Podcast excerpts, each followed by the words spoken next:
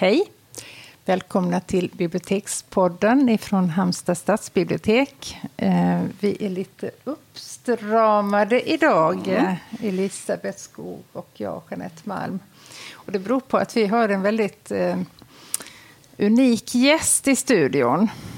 Du är den enda i ditt slag i Sverige. Du är Sveriges överbefälhavare. Välkommen Mikael Bydén. Tack så mycket. Det, det, är ju, det finns egentligen bara kungen, det finns bara en kung och det finns bara en ÖB. Och ni har också faktiskt fler likheter du och kungen, eller hur? Ja, vi, vi, har, vi bär samma grad, mm. eh, kungen och jag. Vi är ju då generaler, så mm. det, det, delar vi. Mm. Det är fint.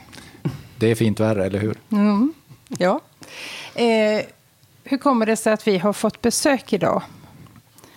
Jo, men det, det, är, det är ett par olika skäl. Förutom att jag får förmånen att göra det här så har jag precis varit eh, och träffat en eh, våra specialistofficerare, vi, eh, vi införde ett, kan man säga, tvåbefälssystem för några år sedan. Och specialistofficerarna är en ny kategori sedan några år. Och de främsta företrädarna där de träffas just nu i Halmstad och pratar om var vi står någonstans i utvecklingen och vad de behöver göra. Så jag har, jag har gjort ett nedslag hos dem. Mm. Om en stund här när vi har pratat så kommer jag att eh, ge en presentation. Och det, det, är ett initiativ från Allmänna försvarsföreningen. Och det är ett mm. fantastiskt sätt för mig att, att eh, sprida kunskap och information kring var vi är någonstans i Försvarsmakten just nu. Och det, det försöker jag göra. Jag har gjort det på andra orter också.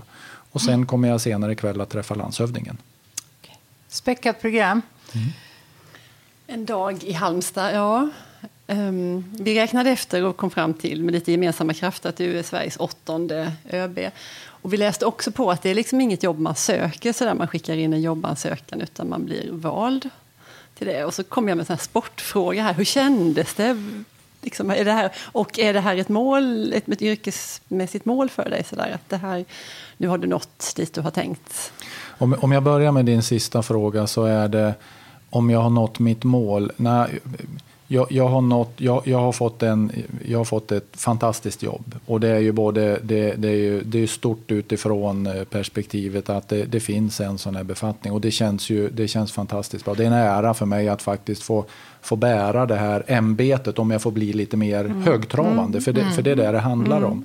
Så det känns bra. Men det har aldrig funnits i min plan. Och oavsett var man är någonstans i vår organisation, hur, hur, hur nära man är så kan man inte ha den planen påstår jag, utan det är ju någonting, det blir ett utfall som eh, det är tillfälligheter, man ska, man ska vara tillgänglig, man ska ha gjort tillräckligt mycket. Det är regeringen som beslutar. så att jag, jag hade inte den förväntan, jag har inte haft i min plan. Jag kan säga att under många år har jag varit väldigt nöjd med de jobb jag har haft och de mm. nivåer jag har jobbat mm. på. Men det här är ju alltså det är en fantastisk möjlighet att få pröva sig själv och inte minst att få företräda en hel organisation med det unika uppdraget att faktiskt eh, skydda det här landet. Det, för mig är det väldigt stort mm. och jag tar det, det, det, är väldigt seriöst. Det är, men det är stort. Jag är jätteglad för det här. Mm. Hade du den här yrkesbanan, liksom, tänkte du på den redan när du var liten? Att Nej. Det, vad ville du bli som barn? Ja, men jag, jag, var nog, jag var nog ett... Jag har gått igenom alla faser med eh, både brandkår och polis och bonde. Min farfar var mm. bonde. Min, min pappa hade en färgaffär. Och det var ju, jag som många andra såg upp till min far. Så att, det var väl allt. Men när jag ryckte in då, när jag gjorde min värnplikt mm. 82 så var det inte med en tydlig bild klar att jag skulle gå den här vägen. Men jag hade ändå, jag hade ändå sökt till en, en befälsutbildning för att eh, jag, jag, trodde nog att det fanns någonting där. Men mm. jag muckade aldrig om jag får uttrycka mig, utan jag är kvar och jag är ju produkten efter då drygt 30 år i mm. Försvarsmakten. Mm. Men det här eh, ÖB-ämbetet, är det tidsbestämt? Ja, det är det. det, är det. Och, och det är som jämförbart med en myndighetschef. Det vill säga i det normala fallet så är det ett sexårsförordnande. Det är ingen skillnad för mig utan det är bara då att det var ÖB-befattningen istället för att vara myndighetschef någonstans. Så det är sex år. Mm. Mm. Och sen är det färdigt, sen blir man inte, man, får inte förlängt eller sex år till? Eller? Det, det, är ingenting som jag har lagt ner så mycket tankemöda på eller lagt någon plan för, utan jag är ju igen, jag har klivit in i det här eh, både med öppna ögon och med eh, ödmjukhet, men också med en ganska så eh, en inställning att jag ska göra vad jag kan för att eh, leda den här försvarsmakten i den riktning som nu är satt. Så att sex år är å ena sidan rätt lång tid. Det är svårt för mig att överblicka den, men det uppdrag vi har det sträcker sig under de här första fem åren försvarsbeslutet, så det är fullt fokus på det. det. Det är det jag går in med varje dag och ser till att verkligen leverera det jag kan. Se till att vi är på tå. Mm. Du, vi är ju inte så pålästa på den rätta terminologin och så här, men om vi tänker så här att, att det skulle bli skarpt läge, kallar vi det i Sverige då. Är, är det du som bestämmer ytterst då om det ska ageras? Eller liksom, hur fungerar Hur mycket makt har du, är vi intresserade av att veta. Ja, men eh, vad gäller eh, de militära insatserna, mm. om vi, och då begrepp och sånt. I, nu i fredstid så är det ju så att då, då, då levererar Försvarsmakten underrättelser och vi levererar förband i beredskap. Vi löser de beredskapsuppgifter som finns där och det, det sköter ju organisationen. Så att, men, men man ska ju komma ihåg att det uppdraget det går ju till myndigheten Försvarsmakten, en enrådsmyndighet. Så jag har ju att fatta de beslut som finns där. Och efterhand vi skulle få en situation i ett skarpt läge, vi höjer beredskapen mm i, och i, i, ett extremt läge så mobiliserar vi. Ja, men då är det det är överbefälhavaren som, som leder Försvarsmakten och Försvarsmaktens verksamhet. Men man ska ju komma ihåg att i grund och botten så är ju vi styrda utav eh, riksdag och regering i de uppdrag vi får i regerings eh, i regleringsbrev, i, i de styrningar som finns. Så att det är inte så att jag väljer mina uppgifter, det är tydligt. Men att leda Försvarsmakten, det gör överbefälhavaren med eh, sin personal och den struktur som finns. Mm. En följdfråga på det är ju då en helt... Du kanske inte har några normala dagar, så att säga. Inga... En vanlig dag på jobbet? Nej, men en typdag, hur skulle den kunna se ut? Var befinner du dig och i vilka sammanhang verkar du?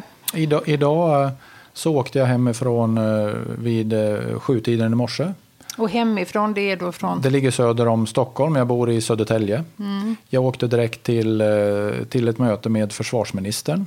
Ett mm. återkommande möte där vi, har, där vi uppdaterar varandra, vi delar information. Jag åkte, efter den timmen så åkte jag till mitt kontor. Där hade jag ett möte med en, med en av ambassadörerna i, i Stockholm. Ett, ett möte som, där vi pratar gemensamma frågor.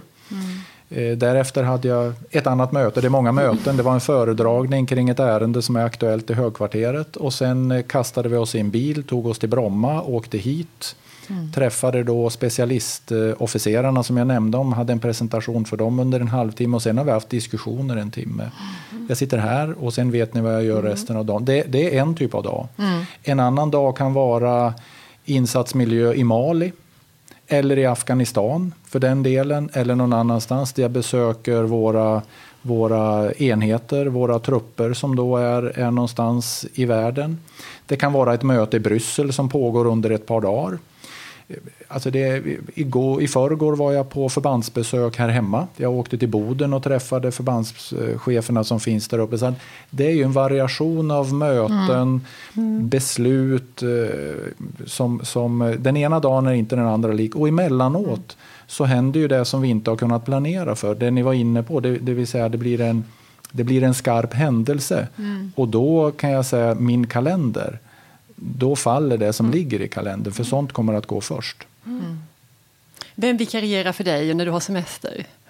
Det finns, det finns en väldigt tydlig eh, struktur och ordning. Mm. Min, eh, så att säga, den, den närmaste chefen kring mig det är att vi också har en generaldirektör i Försvarsmakten. Så frågor som inte är direkt i den militära eh, kedjan där vi fattar militära beslut, det kommer, det kommer han i det fallet att ta.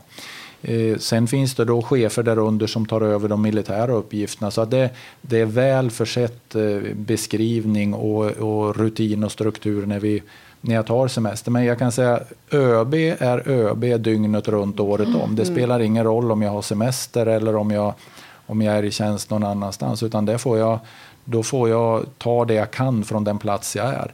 Men det finns, det finns ju självklart en en backup eh, som, som behöver dra igång olika arbeten. Eh, och det fungerar alldeles utmärkt. Mm. Mm. Har du något sådär som du vill bli ihågkommen för? Om man tänker sådär om hundra år framåt, att de kommer ihåg Mikael Bydén. Ja, men det var han som... Oj, det där, oj, det där är ju... Det är väl klart att jag, jag vill ju... Jag vill väl bli ihågkommen för, eh, för den jag är. För jag hoppas ju att det är därför jag har fått det här jobbet. Det vill säga det jag står för. och att det här eh, det är ett mycket, för mig är det här ett mycket viktigt eh, uppdrag. Och att, eh, att jag faktiskt stod för det och att jag var tydlig i det. Att jag, att jag faktiskt både klarade av att driva den här organisationen i den förändring som är, men inte minst att vi klarar av att möta de skarpa delarna. För det är ett omvärldsläge just nu som är väldigt speciellt. Mm.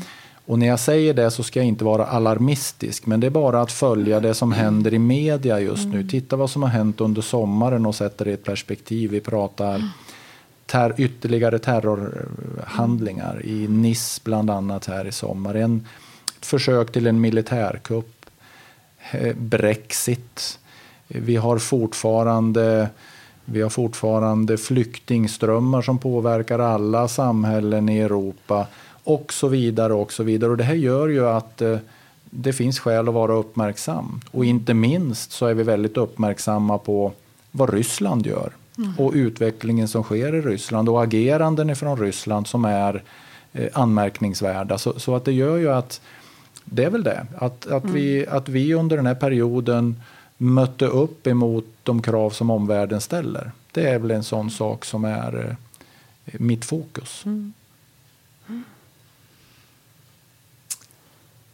Du är ju nummer åtta i raden av svenska ÖB. Eh, vi har inte kollat runt så mycket omvärldsbevakning i hur många länder det finns en eh, motsvarande benämning. Eh, i de flesta länder så, så, så är benämningen försvarschef. Ja, eh, Engelska begreppet är, begreppet är Chief of Defence. Mm. Men jag måste ju säga att eh, överbefälhavare eller det engelska Supreme Commander det, det slår ändå lite mer. Så jag, jag tycker att, eh, mm. jag tycker att själva namnet och benämningen mm. är nog lite finare och lite mm. bättre. Mm. Även om det är samma innehåll i, i ansvar och uppgifter. Mm. Men det vi hittade det var ju att det var idel män i alla fall. När, om, kommer den första kvinnliga ÖB?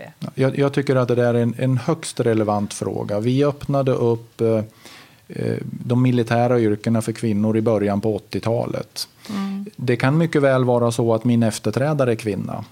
Det, är, det, har tagit, det har tagit eh, de åren att, eh, att då utveckla kvinnorna, precis som det har tagit. Det har ju tagit mig drygt 30 år att komma dit jag är och det är ju där 82 som jag började. Så att min efterträdare kan mycket väl vara kvinna. Mm. mm.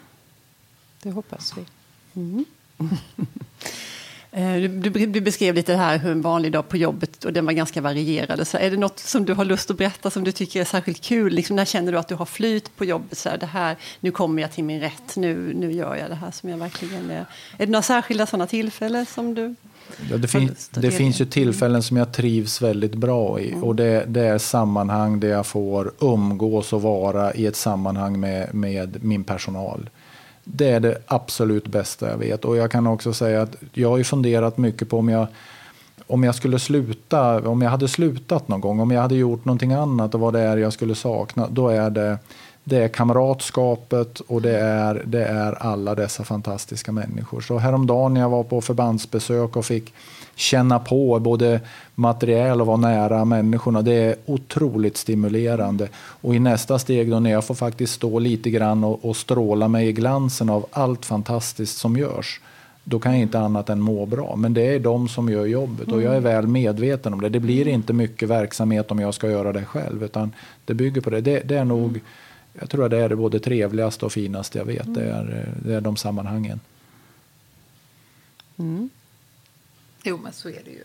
I de flesta yrken, så då är det ju delarna som gör helheten. Och man, det krävs ju att alla gör sitt för att göra någonting väldigt bra tillsammans. Mm. Ja, nu är det, inte jag, det är inte jag som ska ställa frågor, men jag tror att det är samma här ja, i er verksamhet. Det är, det är, ju väldigt mycket kollegorna och, ja, och eh, kamratskapet mm. som gör att eh, mm.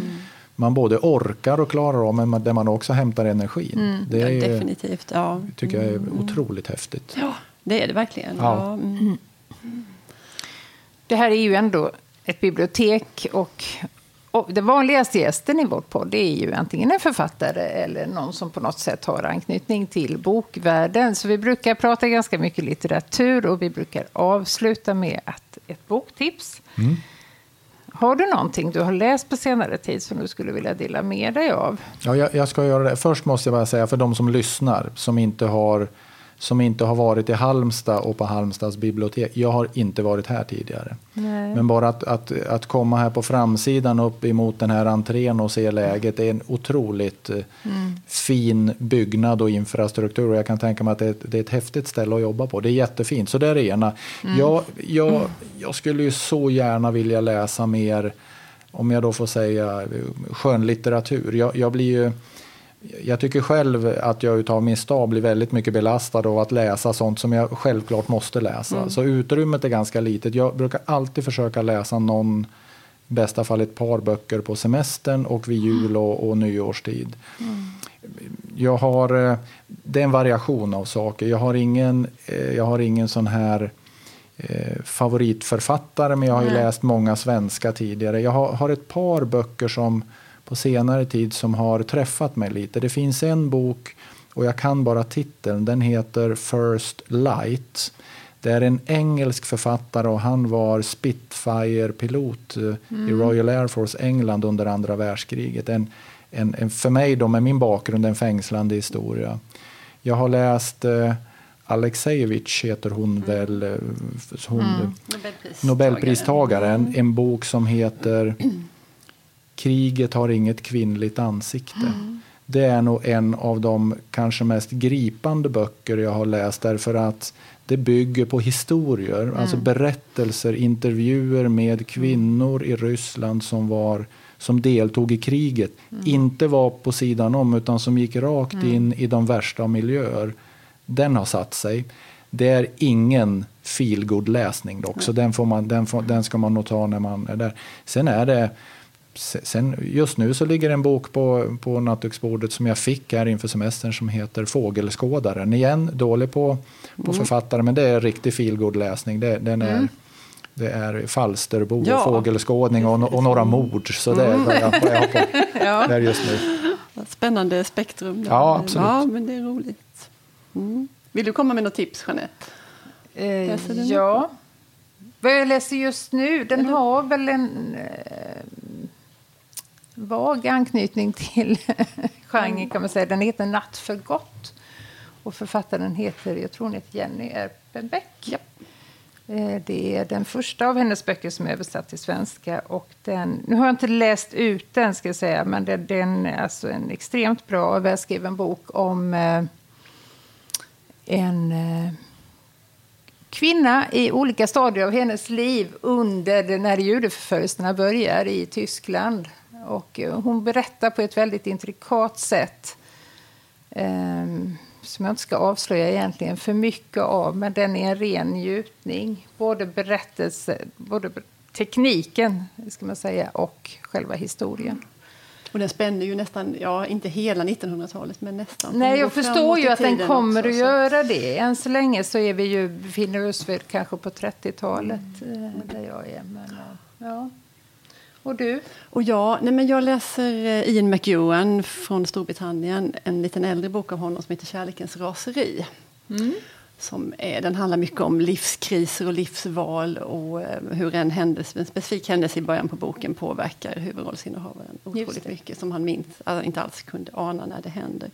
Det är en väldigt, jag tror att den är filmad också för den inledningsscenen ja, är så fantastisk det. för det handlar om en en luftballong som var på väg att landa och kvar i den här korgen har det blivit en liten pojke och de här tamparna hänger liksom ner. Och, och det blåser väldigt mycket och vinden tar tag i den här och då är det några människor runt omkring som springer fram och, och om de hade varit tillräckligt många, tillräckligt starka så hade de kunnat hålla i det här och de lyckas sådär och sen är det en som släpper och då blir det omöjligt för de andra. Mm. Och otroligt eh, dramatiskt och spännande. Det är liksom upptakten till boken.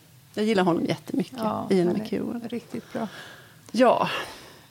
Men, ja, men vi har nått vårt avslut här, vårt samtal med dig Mikael Bydén, Sveriges ja. befälhavare. Och vi är jättetacksamma att du tog dig tid för att prata med oss. Det var otroligt intressant. Mm. Verkligen. Och jag är väldigt glad att jag fick möjligheten. Det, mm. Tack så mycket. Ja, trevligt. Mm. Tack för idag. Vi poddar vidare här i veckan. Ja. Det händer så mycket roligt på, på detta fina bibliotek. Ja, alltså jag tänkte vi kan ju faktiskt blicka framåt. För redan ja. imorgon har vi ett, en ny gäst. Mm. Då kommer Vibeke Olsson hit. Mm. Som har skrivit väldigt mycket också om andra världskriget. Ja. Och om romarriket. Hon är ja, väldigt specialist på just att skriva serier om olika epoker. Mm. Men det ska bli jättespännande. Mm. Det tar vi då. Det tar vi då. Tack för idag. Tack för idag.